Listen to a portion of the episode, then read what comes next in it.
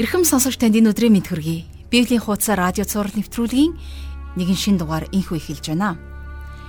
Тэгэхээр өнгөрсөн дугаарт бид Израилийн ахмадуудын хиймэл шүтэн шүтснийг буруутгасан иш үзүүлэг Ерүсалимийн сүрлийн тухай өгүүлсэн хатуухан сургамжийг хүлээн авч сонссон байна. Бурхан чухам ямар шалтгааны улмаас Ерүсалимийг шүүж хотын оршин суугчдыг гисгэх болсон тухай тайлбарсныг бид энэ хэсгээс илүү тод харсан. Тэгвэл бурхны шүүлт зөвхөн өнгөрсөнд дуусаагүй. Тэрээр өнөөдөр ч гэсэн улс үндэстнүүдийг шүүсээр байгааг бид мартаж болохгүй маа. Израилийн хоёр нүур гаргагч ахмадуудын тухай сонсоход сэтгэл үнэхээр тааламжгүй болсон. Монголчууд бид Ахмад үеэ хүндэлж тэднээс үнэн үгийг нь сонсож амьдралын туршлагаас нь суралцахыг эрхмэлдэг арт юм уу? Ахмад үеэсээ ийм хандлагыг олж харах нь залуу хүнд үнэндээ тийм ч таатай санагддаггүй. Тэгвэл энэ дүр зургаас бид юу сурч итгэлийн амьдралаа худал хуурмаг нүүр царайнаас хэрхэн хамгаалах вэ? Бурхны нүдэнд илчлэгдэхээргүй нууцлагдсан нууц гэж хүмүүс бидэнд нёгийнх нь ч үгүй. Таныг чин сэтгэлээсээ хандаж байна уу? Эсвэл Библиэ бариад нэм гаргийн номлолд суухаар очдог хэрнээ мөн чанартаа дүр эсгэж явдаг уу гэдгийг бурхан л хамгийн сайн мэднэ.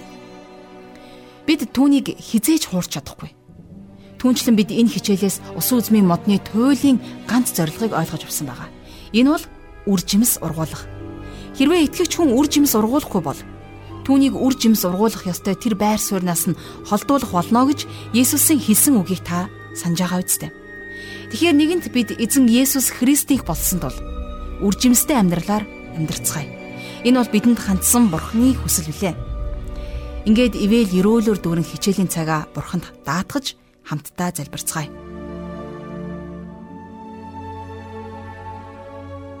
Өшөөл нэгүслэр дүүрэн бурхан аав минь таньда энэ цагийн төлөө талархал магтаалыг өргөн залбирч байна. Энэ өдөр бид таны үгийг судалж, таныг улам илүүгээр таньж мэдхийг хүсэж байна. Бид ямар ч хүнд хэцүү нөхцөл байдал донд хүнд биш, харин бурхан танд итгэж найддаг байхад минь та туслаач. Тэгээд энэ цагт өөрийн үгээрээ дамжуулан бидэнд ухаарлыг, бидэнд бас сэхээрлийг өгөөч гэж гуйж байна. Бид бүгд гим нүглийнхээ төлөө өөхөх ёстой байсан ч харин та биднийг Иесус Христийн тусаар дамжуулан аварсан учраас бид таны мэлмэд тааламжтайгаар амьдрдаг тийм л итгэгчд байхыг хүсэж байна. Та өөрийнхөө үгээр дамжуулан биднийг тийхүү удирдан дагуулаарай. Энэ хичээлийн цагийг таньдаа өргөж эзэн Есүсийн нэрээр залбирanгуйж байна. Амен. Ингээд хамтдаа жаргалах шиг хичээлд анхаарлаа хандуулцгаая. За Эзекиэл номын судлалаар маш их зүйлийг ойлгож за түүхийг яаж урьдчилан бүтээсэн Бурхны тухай гайхамшигтай үннийг суралцж байгаа баха гэж багш миний зүгээс найдаж байна. Ингээд 17-оос 18 дугаар бүлгийг одоо хамтдаа судалцгаая.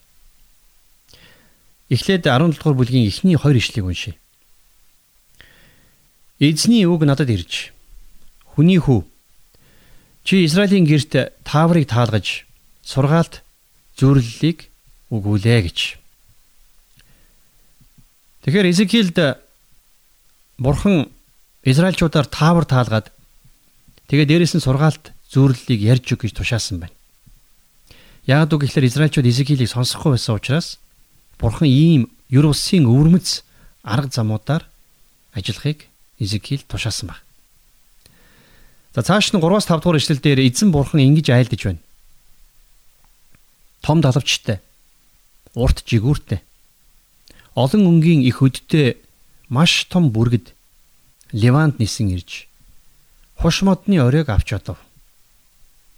Тэр түүний залуу мөчрүүдийн оройг таслан авч түүнийг наймаачдын газарт авчрав. Тэр түүнийг худалдаачдын хотод тавив. Тэрээр газрын зарим үрийг авч түүнийг үржил шимтэй талбайд суулган түүнийг их усны дэргэд тавилаа тэр түүнийг уд мод адил байлгаваа.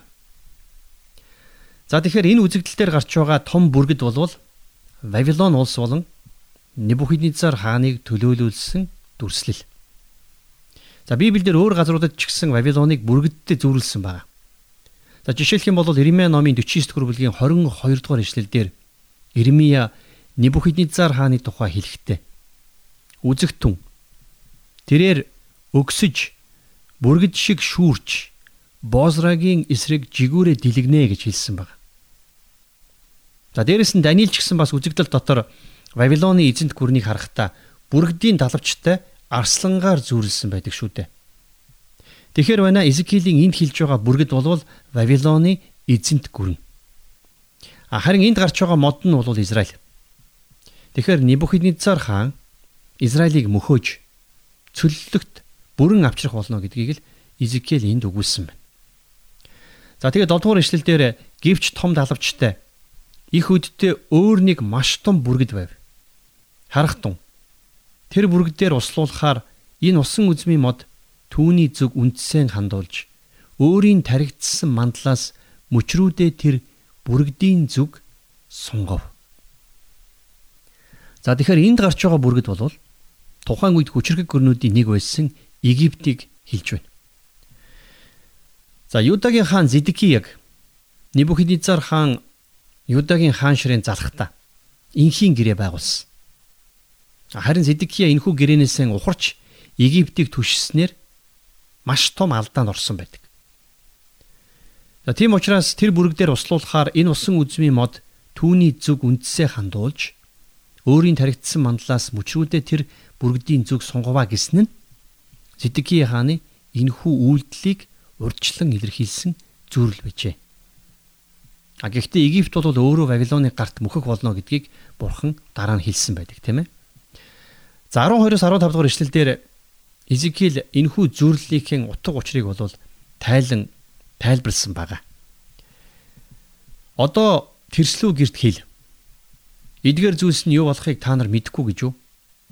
Харах тун Вавилоны хаан Иерусалимд ирж хаан хийгээд ноёдыг нь авч Вавилонд өөртөө тэднийг авчрав. Тэрээр хааны үр удмаас нэгийг авч түүгээр тангараг тавиулж түүнтэй гэрээ байгуулжээ. Тэр бас уг газрын хүчтнүүдийг аваад яв. Энэ нь уг хаанчлалыг доройтуулж тусгаар тогтнуулахгүй гэрээг сахиж байж л оршин тогтнохоор болгохын тулд юм. Гэтэл тэр түүний эсрэг тэрсэлж морд ба олон цэргийг авахын тулд элч нарыг Египт рүү илгээв. Тэр амжилт олох уу? Ийм зүйлсийг хийдэг тэр ам ултрах уу? Тэр үнэхээр гэрээг зөрчин ам ултарч чадах уу? За сонирхолтой нь Бурхны ард түмэн болсон Израильчууд тийм ээ. Өөрсдийнхөө байгуулсан гэрээгээ зөрчсөн байхад хиймэл шүтэн шүтгч Вавилончууд гэрээгээ итгэмжтэйгээр сахиж байсан байгаа юм да. Заримдаа ингэ бодохоор зэрэг итгэгч хүмүүс итгэгч биш хүмүүсээс ч дор байх үе байдаг юм аа цуглаан дээрэж тэр бизнес ажил дээрэж тэр шудраг бус итгэгч зөндөө байна. А гэтэл эсэргээрээ бурханд итгэдэггүй хэрнэ. Үнэн ч шудраг нэр төртөөгөр ажиллаж амьдарч байгаа хүмүүс олон байдаг шүү дээ. 18 дугаар ишлэлдэр тэрээр гэрээг зөрчин тангаргийг үл тоомсорлов. Харах тун. Тэрээр гар барьсан боловч энэ бүх зүйлийг үйлдэв. Тэрээр ам үлэм ултарнаа гэв. За ингээд бурхан Сидикияг шүүн гисгэнэ гэдгээ энд хэлж байгаа. Хоёр нүүртээ итгэгч хүмүүс ч гэсэн бас цаг нэрэхэд шийтгэл шүүлттэй тулхал болно. За дараагаар нь 24 дугаар ишлэгийг хамтдаа уншъя. Би бол эзэн гэдгийг хээрийн бүх мод мэдэх болно. Би өндөр моддыг нам болгож, намхан моддыг өндөр болгож, ногоо моддыг хувхааруулж, хатсан модыг сагсайлган ургуулдаг. Эзэн би айлдав. Би үүнийг гүйцэлдүүлнэ. Бурхны ард түмэн гэсэн хэрнээ Бурханаас холдон одсон улс үндэстнийг Бурхан Бурхангүй улс үндэстнэр дамжуулан мөхөөж шийтгсэн тохиолдол Библиэлд зөндөө гардаг. Тэм учраас итгэгч бид нар өөрсдийгөө Бурхны ард түмэн болчихлоо гэд тайвшрах хэрэггүй. Бидний улс үндэстний нөхцөл байдал ямар байгааг бид нар мартаж болохгүй. Бид нар улс үндэстнийхээ гим нүглийн өмнөөс гимшиж ах дүүсээ Бурхан руу эргүүлэхийн төлөө хичээж амьдрах учиртай шүү. Яагад гэвэл ямар ч гим нүгэл бурхны шийтгэлгүйгээр өнгөрөхгүй. Энийг л санах хэрэгтэй. За энэ хүрээд бол 17 дугаар бүлэг өндөрлж байна. За 18 дугаар бүлгийн 1 дугаар ишлэлийг унших юм бол дахиад л эзний үг надад ирж гэж Эзекиэл хэлсэн байна. 2 дугаар ишлэлдэр Израилийн газрын тухай эцгүүд гашуун усан үзэн мэджээ. Харин хүүхдүүдийнх нь шүд мохоо ажээ хэмэх энхүү зүүрүүгээр зүүрлснээрээ та нар юуг хэлэх гэвэ. За энэ үг бол тухайн үед Израильчуудын түгээмэл хэрэгэлдэг байсан зүрэг байна. За энэ үгийг бол Иремья 2 ч удаа иш татсан байгаа. За тухайлх юм бол Иремья намын 31-р бүлгийн 29-р эшлэлдэр тэдгээр өдрүүдэд тэд эцгүүд гашуун усан үзм иджээ. Харин хүүхдүүдийнх нь шүд мохно гэж дахин хэлэхгүй гэсэн байдаг бол за бидний бас үдсэн гашууд ломн дээр тийм ээ 5 дугаар бүлгийн 7 дугаар эшлэлдэр өдгөөг үзээгүй эцэг өвгдийн нүгэл энэ гайг авчрав Өнөө бид шийтгэлийг нь үүрэн тэмтчиж байна гэсэн байдаг. Тэгэхээр миний бодлоор бол Израильчууд яг ийм зүүр үгийг бол гитлэл номноос санаа авч зохиосон болов гэж тааж байгаа. Гитлэл номын 20 дугаар бүлгийн 5 дугаар эшлэлдэр бурхан хэлэхдээ тэдэнд чи битгий мөрөг, битгий үйлчил. Учир нь чиний бурхан эзэн хартай бурхан бөгөөд намайг үзен ядагчдын хувьд эцгүүдийнх нь хилэнцгийн шийтгэлийг 3 дөрөвдөх үеийн хүүхдүүдэд нь хүртэл би буулгадгаа гэж хэлсэн байдаг. Тэгээ өөрөөр хэлэх юм бол Израильчууд өөрсдийнхөө энэ бүх буруу дороогүй байдлаа эцэг өвгдийнх нь үйлдэлсэн гим нүглээс үүдэлтэй гэж тайлбарлаж байсан. А гисэн мөртлөө тэд нар өөрсдөө бол гим нүглэр дүүрэн амьдарч байсан юм аа. За 3 дугаар эшлэлдэр би амьд энэ зүрүүгээр Израилийг та нар дахин зөөрлөхгүй гэж эзэн бурхан тунхаглаж байна гэж бичсэн байна. Тэгэхээр амьд гэсэн үг бол энэнтэй адилхан утгатай үг нийтдээ бол энэ бүлэг дээр 13 удаа гарч байгаа. Харин үхэх гэсэн үг бол 14 удаа гардаг. Тэгэхээр энэ бүлэг дээр бол амьдрал үхлийн тухай Изекиэл өгүүлсэн байна. А гэхдээ энд Изекиэлийн мөнхийн ам болон мөнхийн үхлийн тухай өгүүлээгүй гэдгийг санах хэрэгтэй. Харин хувь хүмүүсийн амьдралыг бурхан дуулууртай байгаа эсхийнх нь дагуу бурхан шүүлгиймаа гэсэн санаа энд гарч байгаа. Тэгэхээр энэ бүлгийг бол бид нар яг л энэ өнцгөөс харах нь их чухал аа. За дөрөвдүгээр эшлэл дээр харах тун бүх ам минийх юм аа. Эцгийн ам, хөвгүүний ам адилхан минийх. Нүглийг үйлдэгч ам үхэх болно. За бурхан энд хэлж байна тийм ээ бүх ам түүнийхээ гэж. Хэрвээ хин нэгэн хүний дээр эцэг өвгдийнх нь гим нүглийн үр дагавар буусан бол тэр хүн гимгүү байхад нь буусан биш харин тэр хүн өөрөө бас л эцэг өвгдийн хүн гимт замаар замнсан учраас буусан гэж ойлгох хэрэгтэй. Хүн болгон гим нүглийнхээ төлөөсийг өөрөө төлнө.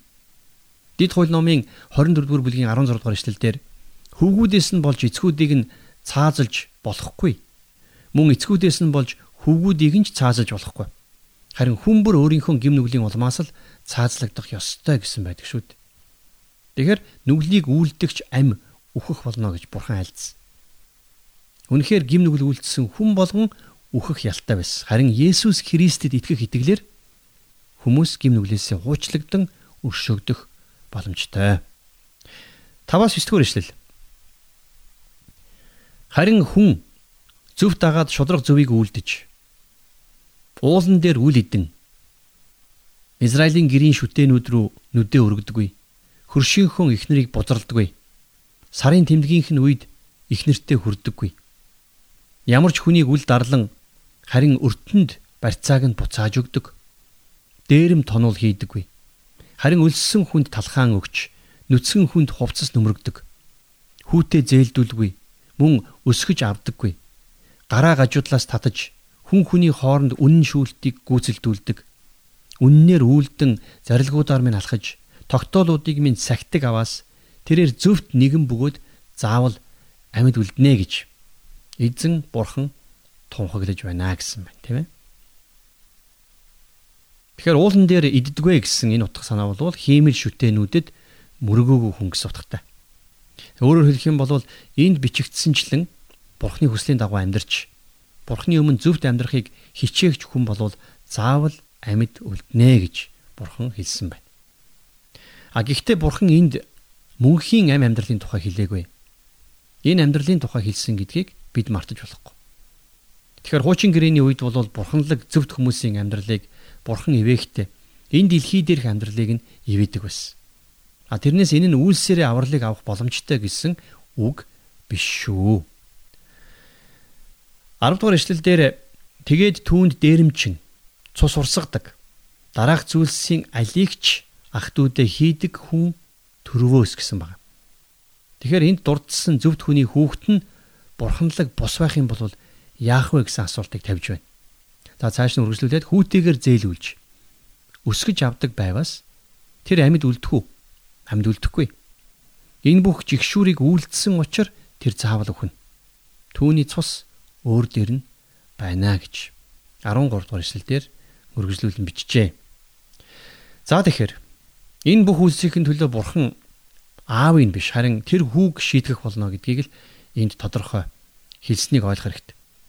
За хүү эцгийнхээ зөвхт байдлын улмаас ч гэсэн амиа аврах боломжгүй гэдгийг бас нөгөө талаас нь ойлгох хэрэгтэй тийм ээ. За 14 дугаар эшлэл. Одоо харах тун хин нэгэнд хүү төрж тэр нь эцгийнхээ үйлдэлсэн бүх нүглийг үзээд харж түүнчлэн ис үйлдвэс. За тэгэхээр энд юу гарч ийнө гэхээр хин нэгэн хүү аавынхаа гим нүгэлт замаас жигшиж тийм ээ. За тэгээд зөв амьдралаар амьдрах юм бол тэр хүү амиа аврах болно гэдгийг бурхан хэлж байгаа. За Израилийн түүхэнд бол ийм жишээ цөөнгүй байдаг. Жишээлх юм бол Ахаас хаан хэдийгээр маш хорон муухай хаан байсан ч гэсэн тэрний хүү Хизки бол маш зөвхт сайн хаан байж за улс их орондоо сэргэн мандалтыг авчирсан байдаг. За Ёси хаан ч гэсэн бас хормоо эцгийн хүү боловч бурханлаг сайн хаан байсан юм аа. За үргэлжлүүлээд 17-оос 18 дугаар ишлэлдэр Ёс бусаас гараа татаж хүү ба илүүдлийг үл аван харин тогтоолуудыг минь гүйцэлдүүлж миний зарилгуудаар алхвас тэрээр эцгийнхээ хилэнцсийн улмаас өгөхгүй. Тэр заавал амьд үлдэнэ. Харин эцэг нь дарлалыг үлдэж ах дүүгээ дээрэнд нь тонож ард түмнийхэн дунд сайн босыг үлдсэн учраас харах тун тэрээр өөрийнхөө хилэнцгийн улмаас өгнэ. За эндээс энгийнээр нэг л зүйлийг ойлгож авах хэрэгтэй байдаг юм а. Юу гэхээр хүн болгон өөрийнхөө амьдралдаа үйлдэлсэн үйлсийнхээ дагуул шүүгднэ гэдгийг л бурхан хэлж байгаа. Тэгэхээр бурханы энд хэлж байгаа шүүлт бол мөнхийн ам, мөнхийн шийтгэлийн тухай биш харин тэдний яг энэ амьдарч байгаа амьдрал дээр нь бууж ирэх шүүлт байгаамаа гэдгийг ойлгох хэрэгтэй. Бурхан Израильчуудыг шүүх болсон шалтгаанаа энд ингэж тодорхой тайлбарлсан байгаа. Бурхан Израильчуудыг шүүхдээ шудраг хандаж байгаа гэдгээ энэ үгээр дамжуулан тэдэнд хэлсэн байна. 20 дугаар эшлэлдэр нүгэл үйлдэгч ам үхэх болно. Хүүн эцгийнхээ хилэнцгийг үүрэхгүй, эцэг нь ч хүүгийнхээ хилэнцгийг үүрэхгүй. Зөвхөд зөв нь буруутад гин буруу нь байна.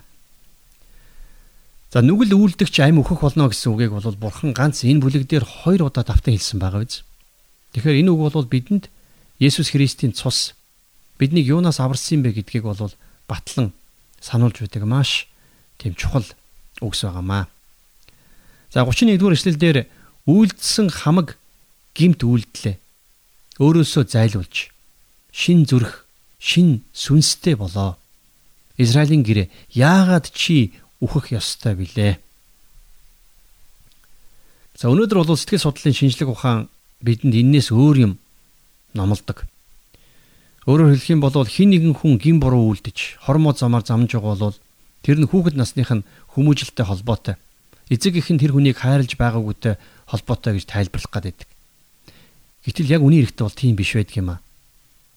Бид нэр бүгдээрээ л байгаагаараа гим нүгэлтэй шүү дээ. Хүн нэг болгон Бурхны өмнө ганцаараа зогсох нэг тийм цаг ирнэ. За тэгээд тэр цагт бол хүн өөрийнхөө ээж аавыг буруутгаад зогсох боломжгүй байх болно. Энийг л Изекил маш тодорхой хэлсэн байна. Израильчуудын дээр ийм аимшигтай шүүлт ирж байгаа нь тэдний өөрсдийнх нь амьдарч байсан амьдралынх нь хэв маягтай шууд хамааралтай байсан гэдгийг л Бурхан тэдэнтэй тооцоо бодож хэлж байгаа юм тийм ээ. За 32 дугаар эшлэл дээр учир нь би үхэгсдийн хинийхэн ч үхэлд баярлдаггүй гэж эзэн бурхан тунх гэлж байна. Тийм учраас эрг эргэх юм бол амьд үлднэ гэж хэлсэн байна. За энд бол мэдээж бурхан бие махбодын үхлийн тухай ярьж байгаа. Бурхан өнөөдөр хэний ч үхэлд баярлдаггүй. Анд нөхөр болох Лазарыг насварах үед бол Есүс уйлж байсныг та санаж байгаа. Тэгэхээр хүмүүсийн үхэлд бурхан хизээж баярлдаггүй. Харин ч гашууддаг. Бурхан анханасаа хүмүүст үхлийг бэлдээгүй байсан шүү дээ. Харин хүмүүс өөрсдийнхөө сонголтоор өөрсдийнхөө гим нүглийн улмаас үхлийг амсах болсон гэдгийг л энэ ишлэл бидэнд дахин дахин сануулж байдаг. Тэм учраас бидний бурхан бол олон түмний бурхан. Бас нөгөөтэйгөр бидний бурхан бол хувь хүний бурхан. Бурхан хувь бидэнтэй ярьж дотн харилцаатай байхыг хүсэж байгаа. Мөн нөгөө талаасаа бол бурхан хувь бидэнтэй хувь хүнтэй тооцоо бодох тэр цаг айсуу байгаа. За энэ бүхнийг санаж таны сүнсний амьдрал бурхантай илүү ойр дотно илүү түүн зориулагдсан дүүрэн амьдрал байхыг хүссэн хөрөөё.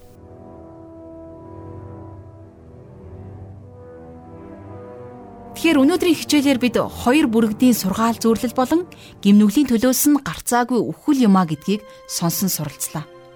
Бүргэд шууг монголчууд бид маш их зориг, хүч тэнхээтэй жигүүртэн гэдгээр нь сайн мэднэ. Тэгвэл энэхүү бүлэгт хилэгдэж байгаа хоёр том бүрэгд нь Вавилон улс болон Нибухаднесар хааныг амун тухайн үедээ хүчрэх гүрнүүдийн нэг байсан Египтийг зөөрлөн илэрхийлж байгаа. Израиль бол бурханд сонгогдсон арт түмэн. А гэхдээ тэд хиймэл шүтэн рүү эргэж бурхнаасаа холдож отсон.